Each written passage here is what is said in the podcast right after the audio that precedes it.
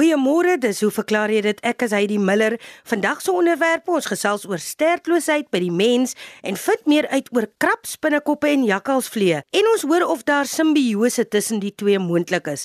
Ek's baie dankbaar vir elke liewe wetenskaplike hier op hoe verklaar jy dit? En vandag het ons die paleontoloog Dr. Yuri van den Heever en ook emeritus professor Lefras Meton, 'n dierkundige verbonde aan die Universiteit van Stellenbosch se departement plant en dierkunde as navorsingsvernoot. Yuri is eerste aan die beurt en hy beantwoord 'n vraag van Gerald Groenewald van Johannesburg. Ek lees die e-pos. Ek wil uitvind oor die evolusie van sterkloosheid by die mens. As ek dit reg het, is die stuitjie aan die onderkant van die menslike ruggraat die oorblyfsel van 'n vroeë stert. En natuurlik besit die aapfamilie, sover ek weet, sy en hakkies almal sterte. Maar nou dink ek dat ek in die afbeeldings van vroeë hominide nog nooit enige van die spesies met sterte afgebeeld gesien het nie. Beteken dit dat stertloosheid baie vinnig ontwikkel het nog voor die heel eerste hominide begin regop loop en in grasvlaktes begin jag het? Of was dit 'n geleidelike proses en het die stert al hoe korter geword oor die millennia totdat dit heeltemal verdwyn het. In die algemeen sê hy, wonder 'n mens natuurlik ook oor die funksie van die stert by soogdiere. Mens kan jou indink dat dit nuttig is vir diere wat in woude woon, soos die ape, maar tog is daar baie diere in die savannas. Mens dink aan die groot katte en wolwe en so voorts wat tog hul stert behou het. By hulle het dit stellig te doen met vaartbelynheid of nie? Yuri het die antwoord. Goeiemôre Heidi, kollegas en luisteraars. Gerald Groenewald raak 'n baie interessante onderwerp aan met sy vraag oor stertloosheid by mense. Die funksie van 'n stert by visse is vir voortbeweging.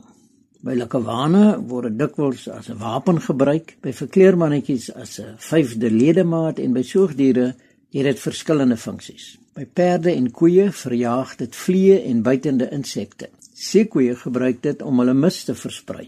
By huiskatte, kangaroes en jagluiperds help dit met balans wanneer hulle op spoed is en by poelvosse dien die harige stert as 'n warm kombers wanneer hulle opkrul om te slaap. Anders as wat jy skryf Gerald, besit nie een van die groot ape, dit is nou die sjimpansees, gorillas en orang-outangs sterte nie. Die kleiner langarmape of gibbons wat so behendig aan hulle arms deur die bome swaai, is ook sterkloos. Ons is veral na verwant aan sjimpansees en deel ongeveer 99% van ons DNA met hulle. Ons is ook geneties verwant aan die ander groot ape. Aangesien ons evolusionêre afstammingslyn ongeveer 7 miljoen jaar gelede van die groot ape geskei het, beteken dit dat die gemeenskaplike voorvader waarskynlik reeds al sterkloos was. Daarom is al ons fossielvoorvaders soos die bekende Australopithecus afarensis, Australopithecus africanus en Homo erectus sterkloos, as ook die nuutste fondse van Australopithecus sediba en Homo naledi. Daar word egter steeds af en toe mense met egte sterte gebore wat nie net uit vet en vel bestaan nie, maar spiere, senuwees en wervels besit. As 'n mens na die embriologiese ontwikkeling van werveldiere kyk, sien jy dat sterte baie vroeg in die embriologie by alle werveldiere aangelê word en dat die stertjie later in die ontwikkeling weer opgeneem of geresorbeer word by mense en die groot ape. Mense is volledig tweebenig of bipedaal en loop regop, terwyl die groot ape gedeeltelik bipedaal is. 'n Stert is dus nie meer nodig vir balans nie. Die enkele bevrugte eiersel of sigoot van enige werveldier, insluitende mense, verdeel talle kere en met elke verdeling, bekend as kliewingsdelings, verdubbel die aantal selle of blastomere. Wanneer daar genoeg blastomere gevorm is, verloop die ontwikkeling van die organisme in 'n spesifieke volgorde. Die voltooiing van elke stadium dien as 'n sneller of 'n springplank vir die begin van die volgende stadium. Dit staan bekend as die proses van induksie. Om byvoorbeeld 'n padda te vorm, is plus minus 700 000 blastomere nodig en dit word bereik na ongeveer 23 kliewingsdelings. Om 'n mens te vorm is miljarde blastomere nodig. Uiteindelik vorm daar 'n hol balletjie selle bekend as 'n blastula.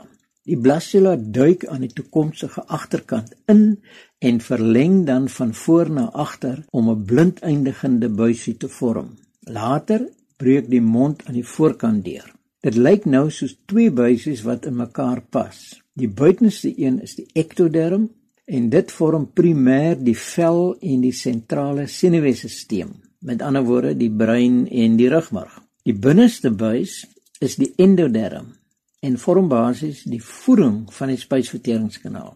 Die rugkant van die binneste buis vorm ook 'n derde laag, die mesoderm of middelderm, wat tussen die ander twee geleë is en wat meeste van die inwendige organe vorm. Om die brein en rugmurg se ontwikkeling aan te skakel, is dit nodig dat die voorloper van die ruggraat, die sogenaamde chorda dorsalis, eers aangelê word. Dit is 'n stafie van groot vloeistofgevulde selle wat van voor na agter net onder die toekomstige rug vorm. Die fisiese teenwoordigheid van die chorda dorsalis indiseer die ektodermselle op die rug van die embrio om in te sink as 'n lengteverlopende groef, die neuraalgroef. Normaalweg gaan die groef toe om die neuraalbuis te vorm. Die brein ontwikkel aan die voorkant van die neuraalbuis terwyl die res rugmarg word. As iets skeefloop in die proses en dit word nie voltooi nie, bly die neuraalgroef oop veral in die lae rug. Die ontwikkeling van die rugmarg indiseer weer die ontwikkeling van die rugmarg senuwees of spinaalsenuwees. As die neuraalgroef nie toegaan in die lae rug nie, ontwikkel die spinaalsenuwees na die onderlyf ook nie. Die toestand staan bekend as spina bifida en afhangende van hoe erg dit is, sterf sulke kinders gewoonlik 'n vroeë dood. Gestel ek gebruik my ouma se spesiale resep om een van haar beroemde sjokoladekoeke te bak. Maar om tyd te spaar, kies ek kortpad en laat die meel uit. Deur so 'n basiese bestanddeel in die begin weg te laat, sal die koek laat misluk. Dit is dus beter om die oorspronklike koekresep te behou en die koek te verbeter deur liewer iets soos karamelvulsel, kersies of strooisuiker aan die einde by te voeg. Embriologie werk op 'n soortgelyke manier. Deur die oorspronklike evolusionêre resep deur middel van induksie te handhaaf. Daarom ontwikkel alle werveldier embrio's steeds sterte en openinge aan beide kante van die faringswyk of keel. Visse gebruik laasgenoemde om asemhalingsorgane soos kiewe daarin te ontwikkel, terwyl dit by landwerveldiere wat nie kiewe nodig het nie, voor geboorte toegaan, terwyl slegs een paar as neusgate behou word. Af en toe word daar egter wel babas met oorblyfsels van hierdie openingkies gebore. Die dokter werkte dan doodgewoon toe. Die rede hoekom hierdie openingkies en die weefsel wat dit vorm by werveldiere behou word, is omdat dit gebruik word om die baie belangrike tiroïedklier te vorm. 'n Stert is deel van die basiese bouplan van soogdiere en dus word dit steeds vroeg in die embrio by mense en grootape aangelê of dit nou nodig gaan wees of nie. Aangesien ons nie meer sterkte nodig het nie, word dit later geresorbeer. Die manier waarop dit gebeur word geneties bepaal deur geprogrammeerde seldood of apoptose. Genetiese het ook bepaal dat alhoewel ons steeds die genetiese bloudruk vir sterkte dra, ons gewoonlik nie met sterkte gebore word nie omdat die gene wat sterkte veroorsaak afgeskakel is. Dit beteken egter dat mense steeds in uitsonderlike gevalle met 'n stert gebore kan word. Gewoonlik, maar nie in alle gevalle nie, word dit chirurgies verwyder met geboorte. My lesings het destyds fotos ingesluit van twee jong mans met kort, goed ontwikkelde sterte met senuwees en spierweefsel. Ekstra fotos het ook wervels getoon. Oor die jare het ek twee studente met stertjies in die klas gehad. Tydens die embriologie kursus het hulle niks laat blyk nie, maar daarna het beide kom vertel hoe trots hulle op hulle unieke voorkoms is. Maar wou nie hê dat hulle klasmaats daarvan moet weet nie. Sterte aan pasgebore babas word in verskillende kulture verskillend vertolk. Luisteraars sal waarskynlik onthou van 'n geval in Nepal 'n klompie jare gelede waar 'n seentjie met 'n dikkerige stert gebore is. Sy stert is nie chirurgies verwyder nie want in sy kultuur is dit verstaan as 'n goddelike teken en dat hy 'n baie spesiale mensie is. Gevolglik het hy en sy stert deel van die priesterlike orde geword. Net so interessant is die aantal vingers en tone wat mense besit.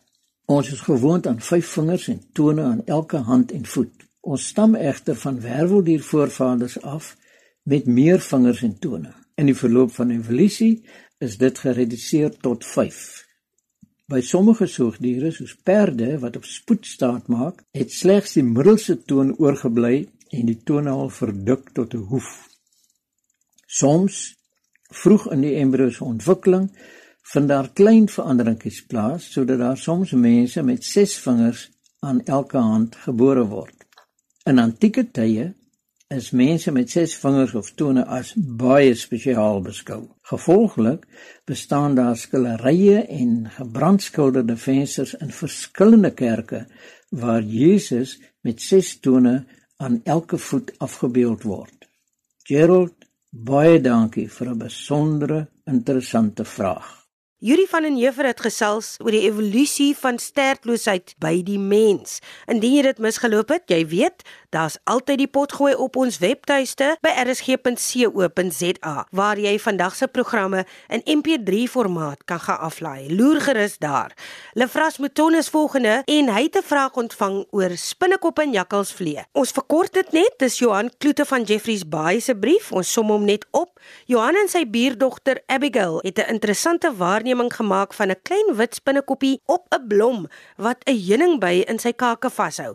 Op die by sit daar ook 'n vliegie. Johan wil nou weet hoe die spinnekoppie dit reg gekry het om die by wat groter as hy self is te vang en wat die vliegie op die by se rug maak. Johan wonder of daar dalk 'n moontlikheid van samewerking of simbiose tussen die spinnekoppie en die vliegie kan bestaan om die by in 'n lokval te lei. Johanne het ook twee foto's saamgestuur om hul waarneming te staaf. Lefras, die vloer is joune.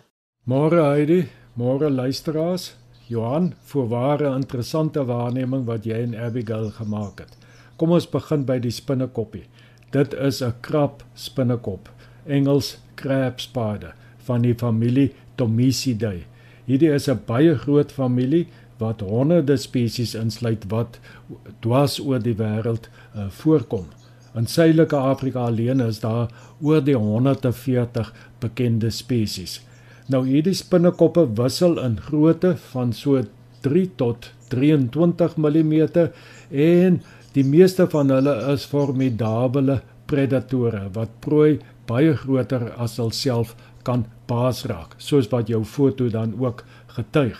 Met die uitsondering van enkele spesies spin hulle nie 'n web nie, maar hulle lê hulle prooi voor, bespring dit en terwyl hulle met hul sterk pote aan beide die prooi en die plant vashou, slaan hulle hul giftande of Chelicerae in die prooi in. Die meeste krabspinnekop spesies leef op plante, maar sommige ook op die grond. Hulle is gewoonlik baie goed gekamoufleer. Spesies wat op blomme hul prooi inwag, is helder gekleurd en kan wees geel, pink, groen of wit. Baie spesies in die genus Tomisus het verder die vermoë om hul kleur na die kleur van die blom waarop hulle sit te verander, maar dit neem 'n paar dae om hierdie proses te voltooi. 'n Blom krabspinnekop sal doodstil op 'n blom sit en wag en wanneer 'n insek soos 'n vlieg of 'n by die blom besoek, sal hy hom so posisioneer dat hy die prooi aan die kopkant kan gryp om sy giftande net agter die kop in te slaan en sy gif in te spuit. Sy gif is dodelik vir insekte en sal byvoorbeeld binne sekondes 'n heuning by se doppie vir hom klink. Omdat hy 'n by aan die voorkant beetpak, sal die by hom nie met uh, sy angel kan bykom nie. Johan wil nou tereg weet wat gebeur nou verder. Die by is baie groter as die spinnekoppie. Johan, Ja, die spinnekoppie sleep nie sy prooi iewers heen nie, maar terwyl hy daar in die uh, of op die blom sit met die by in sy chelicerae vasgeklem, suig hy soveel van die by se weefsel en liggaamsvloeistowwe wat hy kan hanteer uit en laat dan die by se liggaam grond toe val. Nou hierdie proses neem 'n rukkie en dit is nou hier waar die ander rolspeler in Johan se foto ter sake kom. Die vliegie wat op die by se rug sit, so te loop Johan, ek sien twee vliegies en nie net een nie, is 'n jakkalsvlieg, jackal fly van die familie Meliciidae waarvan daar ten minste 13 spesies in die gebied voorkom. Uh ek dink die naam jakkalsvlieg is baie gepas want hulle hang rond waar 'n ander arthropod iets gevang het in die hoop dat daar vir hulle iets te aas sal wees. Byvoorbeeld liggaamsvloeistowwe wat van die prooi lek wat hulle dan kan opsuig. In die geval van die krabspinnekop wat besig is om op die by te voed, het hulle oog genoeg tyd om ongehinderd iets te aas. Hierdie vliee kan as regte kleptoparasiete beskryf word. Dit wil sê hulle steel kos wat deur ander versamel is. Die situasie is presies dieselfde soos wanneer leeu's 'n bok gevang het en besig is om te eet en met die jakkalse wat die heeltyd probeer om ook iets te aas. Johan het 'n baie interessante teorie geformuleer dat die krabspinnekop en die jakkalsvliegie dalk kop in een mis mag wees om die by in 'n lokval te lei tot albei se voordeel. Volgens Johan se teorie sou die vliegie by die blom waar die krabspinnekop sit te wag rondhang om die indruk te skep dat alles veilig is by die blom en die by sou dan nie huiwer om die blom te besoek nie. Wanneer die by deur die krabspinnekop gevang word, kry die vliegie sy beloning soos ek dan nou vroeër beskryf het. Hierdie soort interaksie of simbiose waaruit albei deelnemers voordeel trek, word as 'n mutualisme beskryf. Daar's natuurlik baie ander soort soorte simbioses ook, soos waar net een deelnemer uh voordeel uit die interaksie trek. Nou op die oog af is daar teoreties seker niks verkeerd met die scenario wat jy skets nie Johan, maar as 'n mens 'n bietjie dieper daaroor dink, is dit egter 'n redelike onwaarskynlike moontlikheid. Eerstens, die krabspinnekop is gewoonlik uitstekend gekamoufleer waar dit op 'n blom sit en hy sit ook doodstil. Addisionele hulp om die skyn van veiligheid te skep sou kwaliek nodig wees. Tweedens, 'n mens wonder of 'n vlieg of vliegies by die blom nie juis die moontlike teenwoordigheid van 'n krabspinnekop by die blom aan die by sou verklap nie. Ek het deur die 2004 uitgawe van Picker en medewerkers se boek Insects of South Africa geblaai en op bladsy 299 is daar 'n foto van 'n krabspinnekop wat besig is om op 'n heuningby te voed. Dieselfde uh tipe foto wat jy afgeneem het. Ek tel nie minder as 6 jakkalsvleie wat op die by sit. Dit is nou uh, in Picker hulle se boek. Stel jou voor ses vliegies sit op 'n blom of vlieg om die blom. Uh dit sal uh, verseker in my oogpunt eerder 'n by afskrik as naderlok. Interessant op die foto in Pieter en medewerkers se boek is daar behalwe vir die krabspinnekop, die by en die jakkalsvliee nog 'n vierde rolspeler wat op die agterlyf van die spinnekop sit. Dit is die mannetjie krabspinnekop. Nou die mannetjie is baie baie baie kleiner as die wyfie. Dit lyk amper soos 'n luis wat daar op die wyfie sit. By party blomlewende krabspinnekoppe kies die mannetjie 'n onvolwasse wyfie en hy ry dan op haar rug uh vir lang tyd totdat sy genoeg kere vervel het en volwasse is en dan paar hy met haar. By sommige spesies sal die mannetjie terwyl die wyfie besig is om te voed, soos byvoorbeeld op 'n by, uh haar bene met fyn spindrade toespin om haar in bedwang te hou wanneer hy onder haar enorme abdomen of agterlyf inkruip. Dit is nou uit sy oogpunt. Uh, hy kruip in tot by haar genitale opening wat nou ventraal geleë is en wat redelik voor op die liggaam naby die gevaarlike kake geleë is uh, om te paar.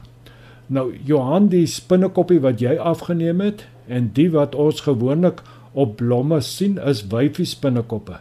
En tot dusver het ek dus eintlik verkeerlik gepraat van hy in plaas van sy as ek na die spinnekoppie verwys. Alhoewel die moontlikheid van 'n mutualisme tussen die krabspinnekop en jakkalsvlieg hoogs onwaarskynlik is, is daar natuurlik baie ander voorbeelde van mutualisme tussen diere van verskillende groepe en soms baie ver langs verwante groepe. By insekte kry ons gevalle waar daar uh, van mutualisme tussen insek en insek. Byvoorbeeld die interaksie tussen plantluise en mure uh, is natuurlik baie bekend. Dit is natuurlik nou ons praat nou van 'n mutualisme wat tot albei se voordeel strek. Die plantluise voorsien heuningdou aan die mure terwyl die mure die plantluise teen predatore beskerm. En hulle selfs in die aand na hulle nes toe kan vat en dan uh die volgende oggend weer terug na die plant vergesel. Johan, ons kon nou nie al jou vrae vandag bespreek nie, maar ek glo ons het daarin by die mees pertinente kwessies uitgekom. Ja, die natuur is wonderlik. Ons moet net ons oë oopmaak en kyk. En wat is nou lekkerder as om te wonder hoe dinge werk? Baie dankie aan Dr. Yuri van den Heever en Emeritus Professor Lefras Meton vir vandag se verklaringe waarna jy geluister het. Aanstaande week is ons terug met 'n gesprek oor seekatte en of daar varswater seekatte is. Wel, ons sal dan meer hoor wat Sewil Daniels te sê het. Lekker Sondag vir jou, geniet jou middagete.